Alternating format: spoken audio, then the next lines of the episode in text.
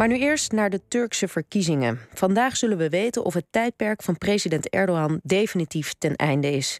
Want er is een serieuze tegenkandidaat, de centrumlinkse Kemal Kılıçdaroğlu. De man die twee weken geleden dapper uitkwam als Aleviet. Maar wat betekent dat eigenlijk en voor welk Turkije staat hij? Turkije-kenner Joost Lagendijk weet er meer van. Goedemorgen. Goedemorgen. Ja, is het een uh, spannende dag voor jou, wonend in Turkije? Het is heel spannend. Niet alleen voor, voor ons, maar ik denk wel voor uh, bijna alle, alle Turken. Zowel aanhangers van Erdogan, die natuurlijk hopen dat hij door kan gaan. Eh, maar toch vooral ook voor uh, aanhangers van de oppositie... die hopen dat er nu eindelijk na twintig jaar een einde komt aan zijn bewind. Ja. ja, want die succesformule van Erdogan, die als uh, conservatieve man van het volk ruim twintig jaar regeerde, die wordt nu toch wel serieus op de proef gesteld. Um, is zijn boodschap niet meer van deze tijd? Of voor een deel dus nog wel, maar die, die, die wordt nu wel uitgedaagd? Ja, nou ja, wat er eigenlijk gebeurd is de afgelopen jaren is dat Erdogan in het, de, de eerste 15 jaar van zijn regeren als premier en als president kon hij terugvallen op een economische groei. Uh, de meeste Turken zijn er economisch uh, op vooruit gegaan. En dat was uh, een groot belangrijk deel van zijn succesformule. Maar de afgelopen vijf jaar is het natuurlijk met de, economische, met de economie in Turkije bergafwaarts gegaan. En daar is ook een, een groot deel van de achterban van Erdogan door getroffen. Hè? Hoge inflatie. Ja, dus die mensen zitten nu erg te twijfelen of ze nog op hem moeten stemmen. Of hebben al besloten om op de oppositie te stemmen. En daarnaast heb je ongeveer 5 miljoen nieuwe kiezers en uh, daarvan weten we dat veel jongeren eigenlijk wel een beetje genoeg hebben van het autocratische optreden van, uh, van Erdogan. Die probeert zijn eigen levensstijl aan hen op te leggen. En daar zijn ze gewoon niet van gediend. Ja, dus het is niet puur economisch alleen, maar het gaat ook om een soort wereldbeeld. Uh... Precies, precies. Um, nu is er een serieuze tegenkandidaat, Kemal Kılıçdaroğlu. Hoe, hoe presenteert hij zich? Voor welk Turkije staat hij?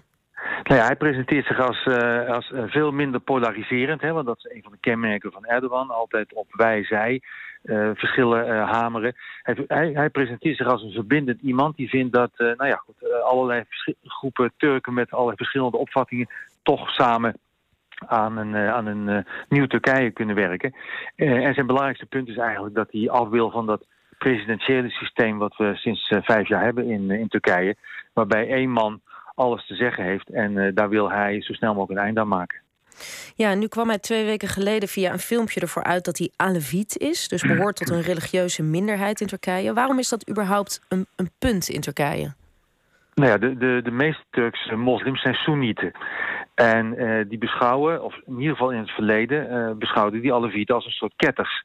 Uh, geen echte moslims, halve Shiiten omdat Alevieten een deel van de rituelen van Shiiten uh, hebben overgenomen. Um, en dat heeft in het verleden ertoe geleid dat er uh, bij herhaling echt uh, behoorlijk extreem geweld is gebruikt door Soenieten tegen Alevieten. dus daarom is dat een belangrijk punt. En nu heeft Erdogan zich ook vaker nogal laatdunkend uitgelaten over Alevieten. Passen zij ook in dat, je had het net over de wij-zij tegenstelling. past dat daar ook in? Ja, hij heeft dat in het verleden vaak gebruikt. Hè. Wij Soenieten en zij Alevieten. Uh, en dat heeft er ook vooral mee te maken dat uh, de meeste Alevieten zijn uh, liberaler. zowel als het gaat om politiek als religieus. Hè, politiek moet je de meeste Alevieten toch aan de linkerkant van het spectrum positioneren. En ook wat betreft religieuze gebruiken zijn ze bijvoorbeeld wat de positie van vrouwen betreft. Hè, ze hebben geen scheiding tussen mannen en vrouwen in hun gebedsruimtes. Nou ja, dat is tegen het zere van veel Soenieten en in het verleden ook Erdogan. Ja, die coming out via dat filmpje uh, op sociale media was eigenlijk best risicovol. Er gingen al geruchten, of eigenlijk wist men wel dat hij Aleviet was, maar dat had hij nooit zo uh, benoemd. Maar hij dacht, ik ga die uh, olifant in de kamer maar eens wel benoemen. Wat was het effect van dat filmpje? Ja, het was inderdaad risicovol. maar het was denk ik een, een zeer geslaagde poging van Kılıçdaroğlu om te zeggen in, in die video van... oké, uh, ik ben Alevieten overtuigd, uh, ik ben moslim...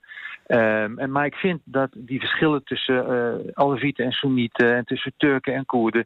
gewoon niet zo'n belangrijke rol zouden moeten spelen... in het Turkije van de toekomst. Het is een poging om het om te verzoenen. En dat heeft enorm positief gewerkt. Miljoenen, tientallen miljoenen mensen hebben die video bekeken. En de uitkomst is eigenlijk dat mensen zeggen... ja, hij heeft eigenlijk wel een punt. We moeten een beetje af van die polarisatie. Dus Erdogan had gehoopt misschien van dat was een, een, een Achilleshiel... had het kunnen zijn voor de kandidaat... maar dat blijkt nu eigenlijk in zijn voordeel uit te pakken. Ja, daar heeft hij, dat heeft hij omgedraaid in zijn voordeel. Hij vergeet niet dat een deel van de mensen, ook binnen de oppositie... die eigenlijk tegen de kandidatuur van Kılıçdaroğlu waren... die waren dat omdat ze bang waren dat dat zou worden uitgebuit. Dat, dat hij een alleviet was. Nou, daar hoor je nu niemand meer over.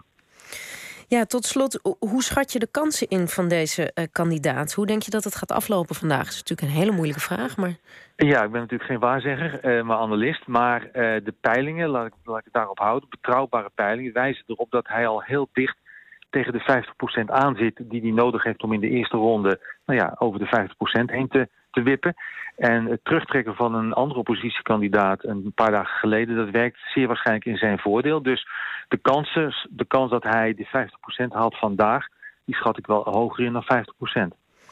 Goed, we gaan, het, uh, we gaan het zien. Hartelijk dank Joost Lagendijk. Je schreef eerder het boek Erdogan in de notendop.